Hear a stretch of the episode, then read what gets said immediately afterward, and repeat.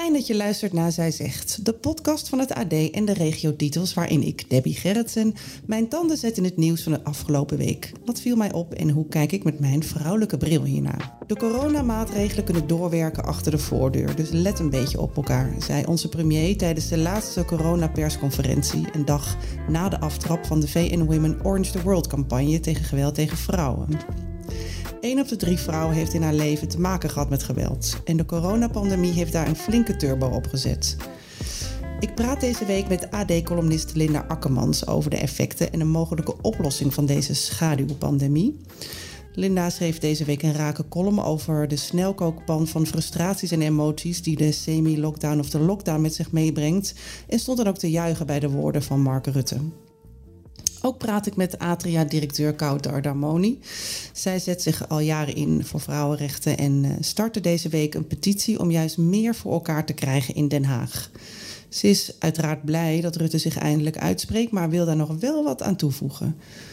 Put your money where your mouth is. Luister mee.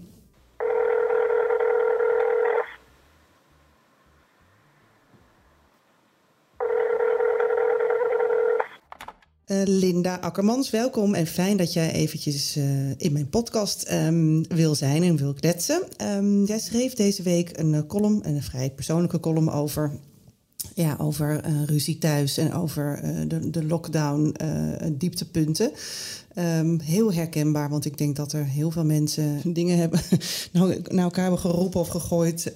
ja die ze anders niet hadden gedaan. Uh, ja, uh, je zei ook echt, het is een, het is een snelkooppan van frustraties en onmacht. En um, ja, je kan eigenlijk wel begrijpen dat, dat het ook maar zo uit de hand kan lopen. Ja, voor mijn gevoel zijn er ook um, een aantal soorten geweld. Je hebt, geweld is natuurlijk nooit goed te praten, agressie ook niet. Maar je hebt geweld van um, ja, echt mensen die niet uh, deugen en die alles aangrijpen uh, om uh, met hun handjes te wapperen, in mijn optiek. maar geweld of agressie kan ook ontstaan, denk ik, door dat mensen zich heel onmachtig voelen in bepaalde situaties. Omdat er ineens heel veel stress is, doordat er dingen gebeuren waar ze geen invloed op hebben. En in die lockdown zag je natuurlijk dat mensen ineens thuis kwamen te zitten met kleine kinderen, dat je eh, in een onzekere situatie uh, zat. hoe lang gaat dit nog duren? Er waren in gezinnen uh, financiële zorgen. Um, ja, niet iedereen heeft ook veel ruimte thuis of kan zich daar lekker ontspannen. Dus wij hebben ook in ons gezin wel gemerkt dat de lontjes wat korter werden. En ehm, ja, dat situaties ineens uh, ja, kunnen escaleren. En dat je ineens tegen elkaar staat te gillen en dan later denkt, hoe kan het dat wij zo, uh, zo doen? Dus ik heb wel, ja, begrip is een groot woord, maar ik kan me wel voorstellen dat bepaalde situaties dan echt uit de hand kunnen lopen, ja. Ja, want je, uh, je maakt ook uh, meteen in, in jouw column een bruggetje naar de internationale campagne tegen geweld tegen vrouwen. Hè. Dat, is, uh, dat, mm -hmm. dat, is, dat gaat dus eigenlijk afgelopen, um, afgelopen week gestart. Vorige week, het, het duurt tien dagen, zoals ik het ja. begreep. Mm. Want vrouwen zijn vaker de klos als het gaat om um, ja, in dit soort huiselijke geweld, huiselijke geweldsituaties. Ja, klopt. Ja, um, ik las ook een stuk van jou uh, dit weekend in de krant met een aantal interviews uh, van vrouwen. Heel heftig hè, om, te, om, om, uh, om te lezen. Lijkt me ook heel heftig om die vrouwen te interviewen. Ja, um, dit waren dan de mannen hè, die dan vertelden dat zij. Um, Sorry, ja ja, dat zij um, ja, dader of pleger uh, zijn geweest van uh, huiselijk geweld. Maar in het verleden heb ik ook vrouwen gesproken ja. hoor. Dus, uh, nee, ja. sorry, dat klopt. Ja, dit dit eh, afgelopen weekend in de krant waren inderdaad mannen ook ongelooflijk. Hè? En ook mm-hmm. bijzonder dat zij zichzelf toch hebben durven blootgeven hierin. Wat is dan, wat is dan als je dan ja, die, die mannen die je hebt geïnterviewd, wat is dan de, de gemene deler? Um, dat ze zelf, denk ik, ook alle drie wel. Ja, er waren uh, drie mannen. Uh, eentje had het wat minder, maar er was bij deze mannen wel degelijk ook sprake van uh, zelfreflectie. Um, eentje had er een. Um, vader die ook losse handjes had. En die had zich eigenlijk altijd voorgenomen: ik ga nooit zo zijn als mijn vader. En ehm, hij werd wel zo uh, als zijn vader. En dat vindt hij ook um, heel erg dat hij uh, zo uh, geworden is. Hij schaamt zich eigenlijk ook heel erg voor zijn kinderen. Een van zijn dochters wil hem ook niet meer zien. Hij is Mhm. inmiddels gescheiden. En een andere man, die ehm, zat eigenlijk ook in een heel fijn huwelijk, maar die ehm, ja, d- die, had, eh, die was zelf nog wat temperamentvol en zijn vrouw ook. Dus die hadden dan wel eens na een avondje met een eh, glaasje wijn te veel op, dat ze in pittige discussies kwamen. Waarin dat ook een paar keer uit de hand, eh, waarbij dat ook een paar keer uit de hand eh, liep. Maar hij praatte daar op zo'n manier ook over met ook zoveel spijt en ook wel het idee van hoe kan het toch dat ik eh, dit heb gedaan. En dat zijn ook twee mannen die uiteindelijk ook hulp hebben gezocht. Mhm. Ehm, en, en dat vind ik dan, dat praat het niet goed wat ze hebben gedaan. Maar dan, ja, ik denk dat op het moment dat die mannen zelfreflectie tonen en iets aan hun en zien dat het niet deugt wat ze doen. Nou, ja, dat helpt al enorm, ja. ja, ik had er wel eh, sympathie voor die mannen, ja. Ja. Ik, eh, ik, kon hun, ik kon ook wel in hun hoofden meegaan hoe dat, dat eh, gewerkt heeft en Ja. hoe dat, dat ging. En ik denk dat dat ook wel een sleutel is tot een oplossing. Want als je alleen maar natuurlijk naar mannen gaat wijzen van en huiselijk geweld en slecht en je deugt niet en eens een dader, altijd een dader. ja, dan, dan bereik je natuurlijk ook nooit als samenleving dat zulke mannen hulp gaan zoeken of daarvoor uit durven komen of hun verhaal gaan delen. En ik denk dat dat juist wel heel erg belangrijk is. Dus ik vond dat wel eh, heel erg mooi. En ehm, ja, ik had er wel respect. Ik heb wel respect voor deze eh, mannen, inderdaad. Ja, dus eigenlijk zeg je om het probleem op te lossen is het, bedoel, het is natuurlijk wel een gendergerelateerd probleem, hè? dat kunnen we eigenlijk niet ontkennen. Eh, Maar eigenlijk zeg je ook, hè, je moet wel mannen meekrijgen en je moet het met z'n allen doen om dit, om dit probleem aan te pakken. Ja, dat denk ik wel. Ja, ik denk dat het eh, eh, ook al begint. eh, dit is natuurlijk niet iets wat je van de een op de andere dag oplost. Want het heeft ook met waarden en normen te maken. En het voorbeeld dat je zelf hebt gehad in je jeugd. En ehm et cetera, et cetera. En Mhm. bepaalde levensomstandigheden natuurlijk. Ehm, maar op het moment dat jij ook als pleger weet van ehm, ik ben niet alleen en eh, ik kan geholpen worden en er zijn eh, therapieën of praatgroepen voor mij of ik kan ergens terecht met mijn verhaal. Want deze mannen die schamen zich ook heel vaak en ehm, daar spelen ook gevoelens van schuld op het moment dat zij weten dat er deskundige hulpverlening is. Ja, dan helpt dat eh, natuurlijk voor een bepaalde groep. Ja. ja, dat is wel goed om te weten. Nu ehm, zullen heel veel vrouwen denken, ja hallo, maar eh, en, en voor ons dan, hè? Ehm, wat, wat gebeurt daar dan mee? Want eh, je, je schreef ook in je column terecht van, joh, eh, dat, je, dat je toch ook wel een staande ovatie voor, voor premier Rutte had, die, die er eindelijk eens ook iets over zei in zijn, in zijn persconferentie. Nu heeft hij het wel eh, in, in New York tijdens de VN. ehm, heeft hij er iets over geroepen? Hè? Van, hè, er- is Mhm. een schaduwpandemie. Ja. Ehm, toch denk ik wel, ja, ehm, wat gebeurt er dan nog meer? Want je kan het roepen. eh, in- maar zo'n man is natuurlijk ook, hè, het is een voorbeeld. eh, hij kan, kan ook een voorbeeld stellen. Wat zou hij moeten doen, denk jij?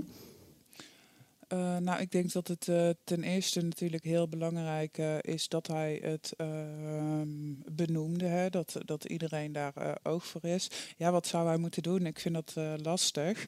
Ehm, ja, goede hulpverlening eh, kost ook geld. Eh, campagnes eh, kosten ook geld. Je ziet nu op het moment dat jij voor hulp aanklopt ehm, ergens in de zorg, waar dat dan ook voor is, dat je altijd te maken hebt met wachtlijsten. Dat er, ehm, ja, dat is al een heel groot probleem natuurlijk. Ja.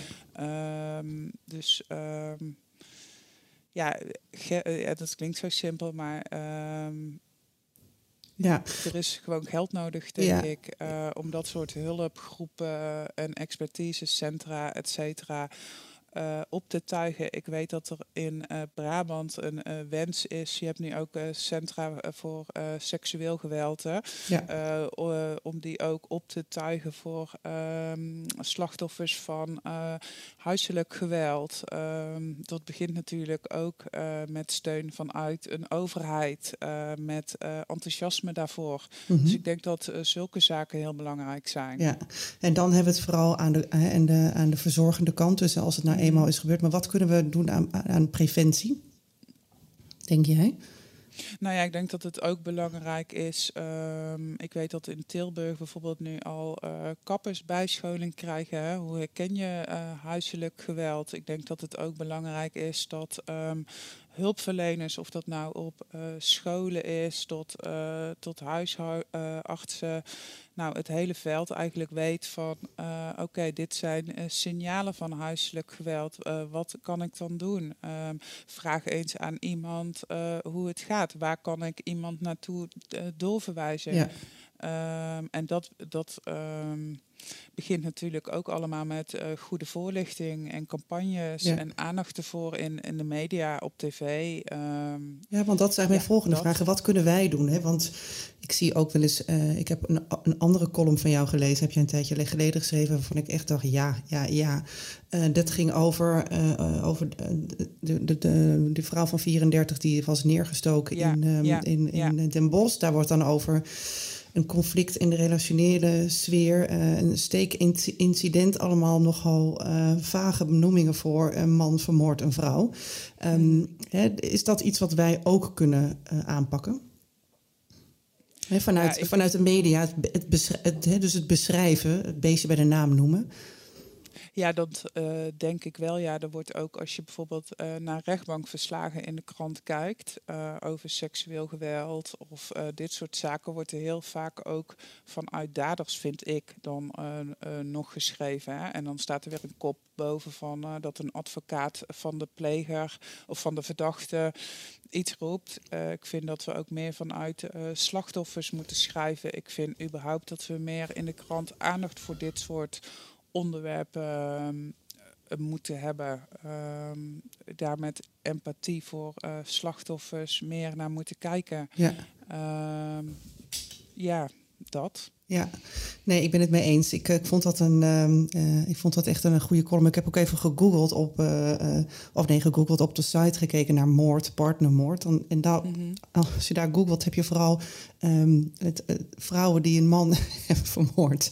dus het, andersom werd het dus, wordt het dus kennelijk wel wat meer beschreven. Dus ik denk dat er daar echt heel veel, heel veel te winnen valt als we het hebben over de beschrijving van dit soort.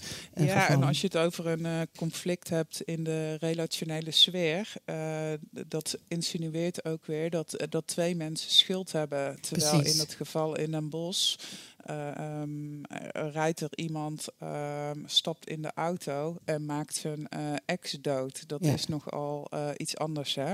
Ja. Um, nee, want ja. wij hebben ook wel eens ruzies in relationele sfeer. In sfeer. In, ik heb nog nooit een, een mes gegrepen en ik ben er nog nee, nooit achteraan gegaan. Dus ja. Nee. nee, ik gooi hooguit een bord op de tafel kapot. Ja, ik las het, ja. ja. ja. Heb ik ook wel eens gedaan, dat moet ik eerlijk toegeven. ja, bij mij is er ook wel eens een bord door de kamer gevlogen. Um, nou ja, dus, dus nog wel echt werk aan de winkel op alle, op alle fronten. Dat denk ik ook. Ja, nou, wij gaan er, uh, wij gaan er in ieder geval over blijven schrijven, uh, hopelijk. Ja, zeker. En wat ik ook nog wel even belangrijk vind. Ik uh, sprak een uh, jaar geleden ongeveer, had ik een interview met een vrouw die het stigma, die was zelf ook slachtoffer van partnergeweld. En die wilde het stigma doorbreken, want zij wilde dus hulp zoeken. Mm -hmm. uh, maar dat was een hoogopgeleide vrouw. En dan werd ze doorverwezen naar praatgroepjes in het wijkcentrum, et cetera.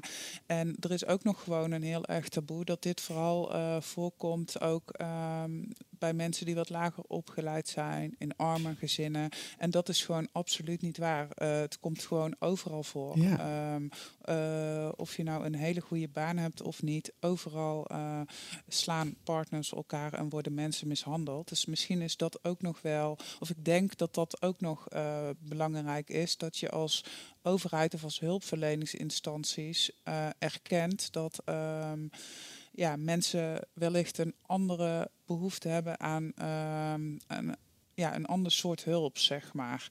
Uh, ja. Want deze vrouw die voelde zich niet thuis bij het hulpaanbod. Uh, ja, wat er was. En dat nee. kan ik me dan uh, ook eigenlijk wel voorstellen. Ja, dus, dus, dus, dat is ook wel een ding, denk ja, ik. Nou, heel goed.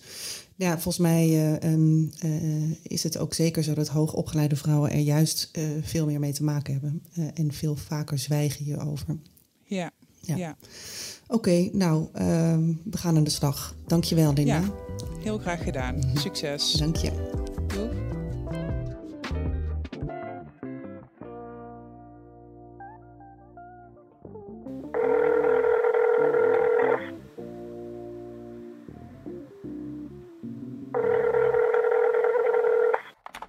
Hey, Kautar, wat fijn dat jij toch nog eventjes aan de lijn wilde komen. Want je bent natuurlijk hartstikke druk mm -hmm. um, met deze campagne. Um, uh, even, eigenlijk met de, met, de, met de deur in huis vallende, er is een schaduwpandemie gaande. Um, zo staat er ook in, in jullie persbericht. Kan je mij daar iets meer over vertellen? Maar, eigenlijk de, de de schaduwpandemie is eindelijk door uh, monsieur Rutte gebruikt in de VN. Um, dat de schaduwpandemie is geweld tegen vrouwen, dus we waren heel blij mee bij Atria. Maar aan de andere kant, wij vinden het is hoopvol, maar dat um, wij, uh, wij zeggen, monsieur Rutte, put your money where your mouth is. Als je dat echt belangrijk vindt, omdat we, dan moet je ook geld vrij voor maken om dat te bestrijden. Omdat we zagen geen enkele cent in de rijksbegroting voor 2022. Oké. Okay.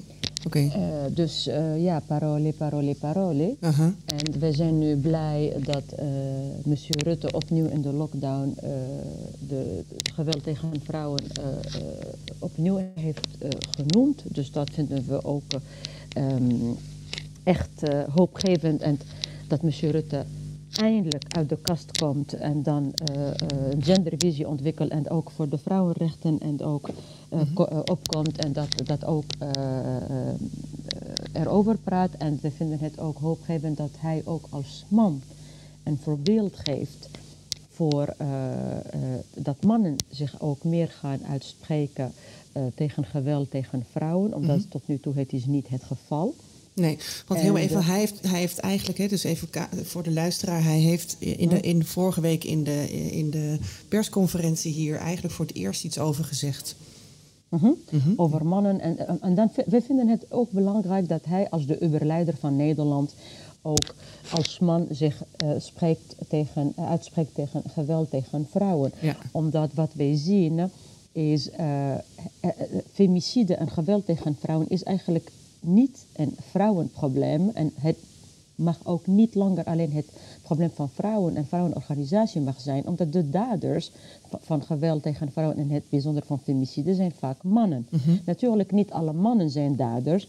Maar we hebben mannen nodig om, om hieruit te komen. Dus we, en, en dat vonden we ook een goede signaal dat uh, de uberleider van Nederland, monsieur Rutte, zich ook daarvoor ook uh, uh, uitspreekt. En dat is ook, maar dat is niet genoeg, omdat nee. dat is alleen maar woorden. We willen ook dat nu eindelijk de monsieur Rutte en de, de, de, de overheid um, gaat ook flink investeren voor een integrale aanpak van geweld tegen vrouwen. En wat, Betekent ook, wat zouden zij moeten doen? Wat zouden zij concreet moeten doen volgens jou?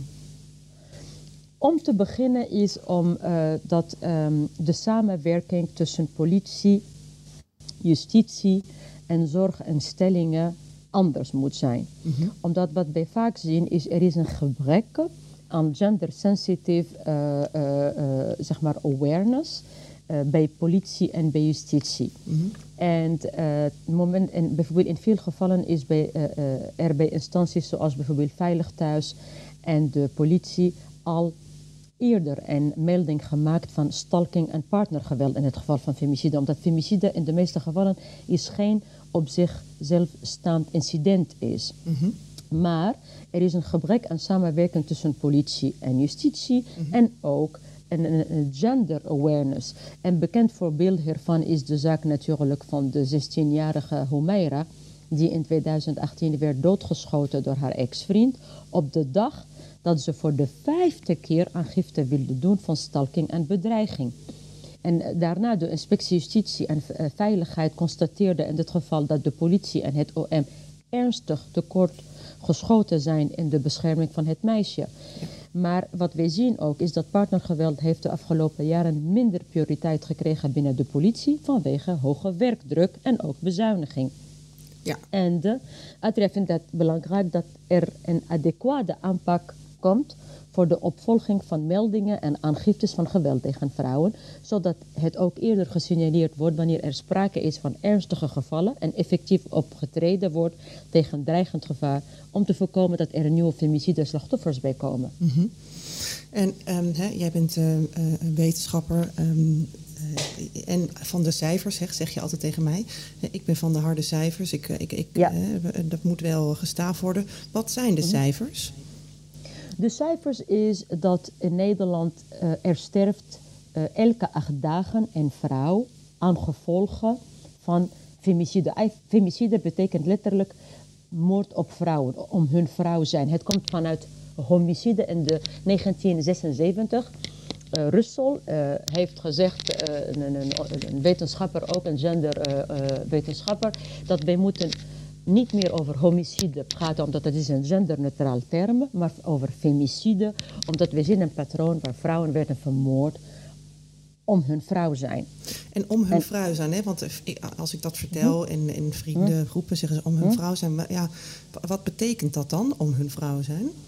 Omdat zij vrouw zijn, omdat als wij zijn en de, omdat het, het, het feit dat zij vermoord zijn, is omdat zij vrouw zijn. En meestal in twee derde van de gevallen van femicide, de, de moord is gedaan door een partner of een ex-partner. Ja. En de partner of een ex-partner die dat niet kan accepteren, dat de vrouw haar grenzen geeft of de vrouw de relatie wil verlaten. En Ja. als wij kijken in Nederland, sterft elke acht dagen een vrouw, bijna één keer per week, aan de gevolgen van partner of ex-partner geval van femicide. En dan, en dan in Nederland telt het CBS alleen nog maar de vrouwen die mee die gehuwd waren. Dus niet de vrouwen die ehm, vermoord met eh, bijvoorbeeld met een vriendje of eh, eh, vrouwen die in marginale groepen zijn als sekswerkers of transvrouwen.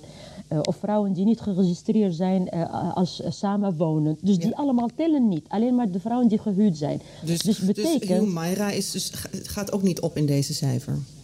Het is Homaira, nee, natuurlijk, dit gaat niet. Maar het is omdat het zo een, een, een, een, een, een, een, een verscheurend verhaal is. Het is ja. zo vreselijk dat het kan... En, en toen begonnen ook organisaties van, eh, aan de bel te trekken van alarm van let op, dit is gewoon een patroon. Ja. Dus, eh, elke, dus bijna elke week in Nederland en dat is niet normaal. Dus ehm, in, in, in ruim, wat ik zei, drie kwart van de gevallen is de dader de partner of een Ja. ex-partner van de omgekomen vrouw. Er is een bepaalde, er is een, er is een structurele geweld tegen de vrouwen. En hoe staan wij er ehm, voor als we kijken naar andere landen?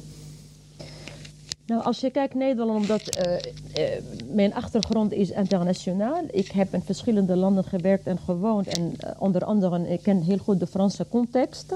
En dan als je kijkt bijvoorbeeld Nederland, doet het qua gevallen van mi- femicide per hoofd van de bevolking slechter dan landen als Italië en Spanje bijvoorbeeld.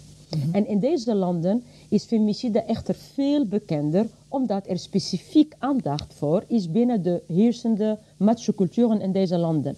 Nou, in Nederland is er geen sprake van zogenaamde macho-cultuur, maar wel van een patriarchale samenleving met verwachtingen rondom dominantie. Is dat zo of En- denken wij zo dat er geen um, macho-cultuur heerst?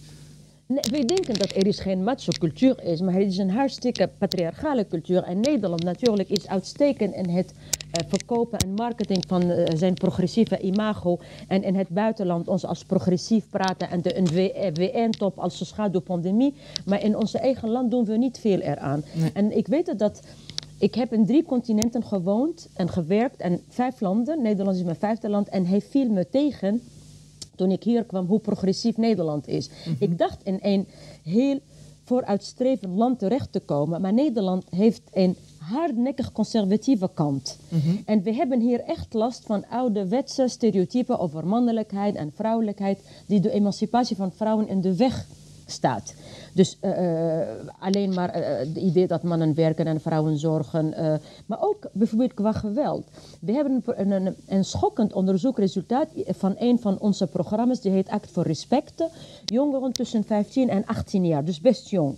En 1 op de 10, 1 op de 10 jongeren vindt dat je een vrouw mag slaan en geweld tegen een vrouw gebruiken als zij bijvoorbeeld vreemd gaan om haar weer onder controle te krijgen. Ik heb het over jonge mensen, jonge generatie.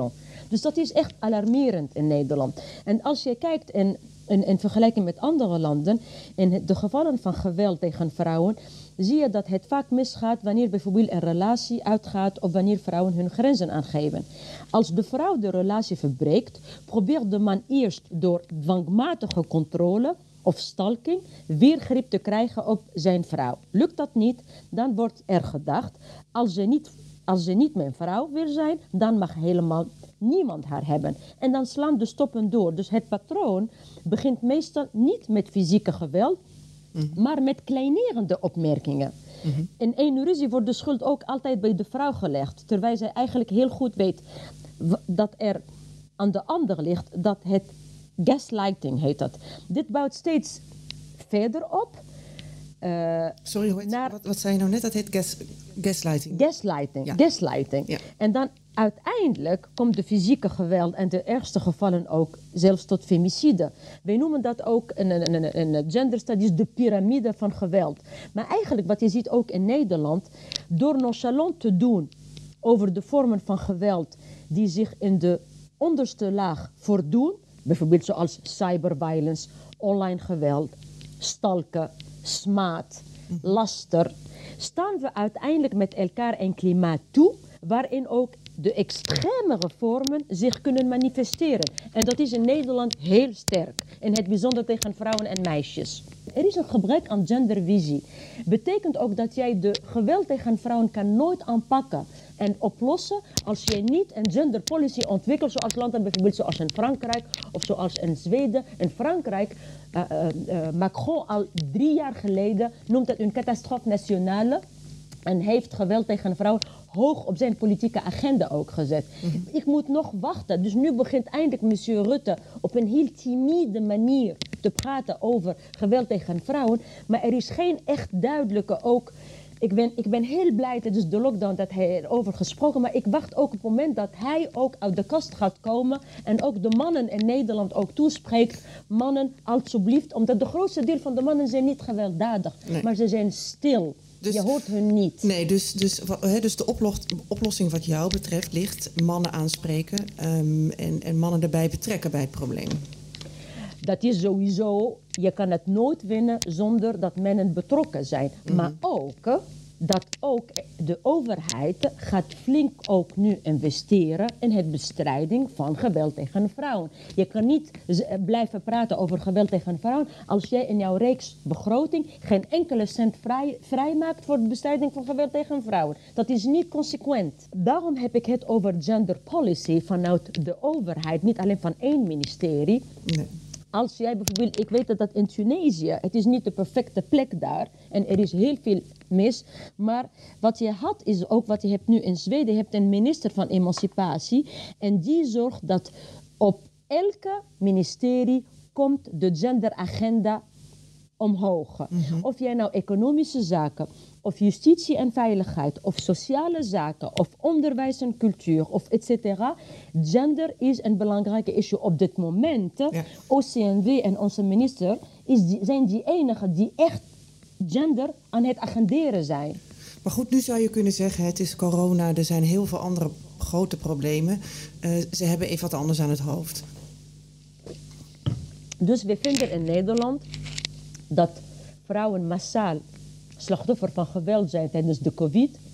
En dat de cijfers zijn aan het exploderen. Ja, is dat zo? Zijn de cijfers echt aan het exploderen? Ja, ja, ja, Het is niet voor niks dat monsieur Rutte erover praat. Omdat het is gewoon, het is, het, is, het is aan het exploderen in de hele wereld. Betekent dat wij dat niet belangrijk vinden, dat de helft van onze bevolking lijdt onder geweld. Mm Dit is wat het betekent. Het betekent, we hebben andere zaken die belangrijker zijn. Wat is dan belangrijker dan de veiligheid van de burgers van, van, van een land? Wat is beschaving dan?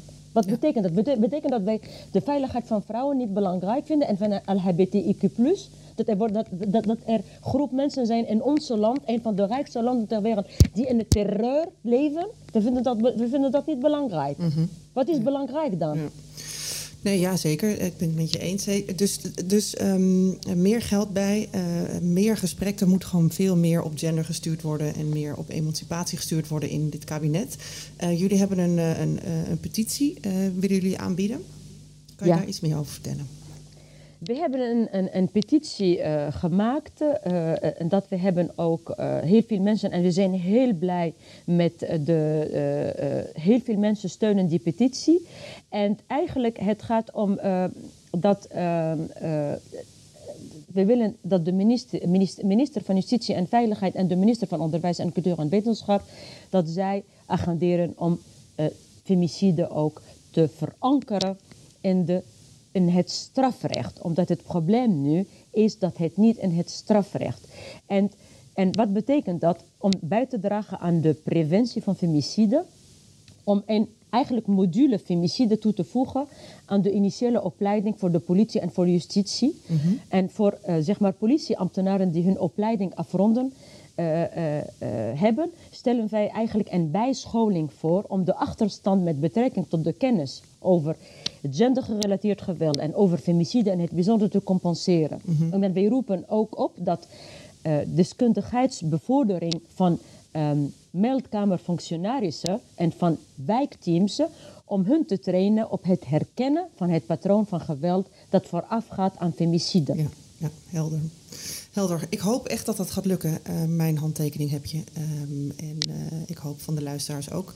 Um, en het bijzonder mannen. Mannen, alsjeblieft. Mannen. Alle mannen. Ja. Ja, ja de, de, de, grootste deel van de mannen zijn niet gewelddadig, zijn geen daders en zij steunen wel gendergelijkheid en de veiligheid van de vrouw. Dat weten we. Ja. Maar die eenigheid is de grootste stilte, stille en die, die, die, die, moeten hun mond openen en elkaar ook corrigeren en ook helpen, omdat anders, ik zeg altijd zoals in Tunesië, mijn oma zei altijd tegen mannen, heb je een moeder, heb je een zus, heb je een dochter, heb je een vriendin, dan zorg dat zij ook beschermd worden. Elke vrouw kan jouw zus of je moeder of je dochter zijn. Dus help andere vrouwen, zoals jij ook de vrouwen die in je leven belangrijk zijn ook kan helpen. Dat is te belangrijk. Het is van ons allemaal. Ja, helder. Dankjewel, uh, Kautar. Merci beaucoup. Merci. Dit was weer een aflevering Zij Zegt de podcast. Heb je vragen of opmerkingen of is er iets anders dringends wat je mij moet vertellen? Dat kan. Mail mij naar zijzegt.ad.nl. En wil je meer lezen en luisteren? Kan ook. Ga dan naar ad.nl slash zijzegt. En vergeet je niet te abonneren op mijn nieuwsbrief. Okido, tot volgende week. Bye. Maar wat dacht u van het volgende voor Sinterklaas? Een bladcadeau! Leuk. Je gaat gewoon naar bladcadeau.nl en het is zo geregeld. En vervolgens heeft de gelukkige ontvanger keuze uit meer dan 100 van de populairste tijdschriften. Dus een altijd goed cadeau haal je snel op bladcadeau!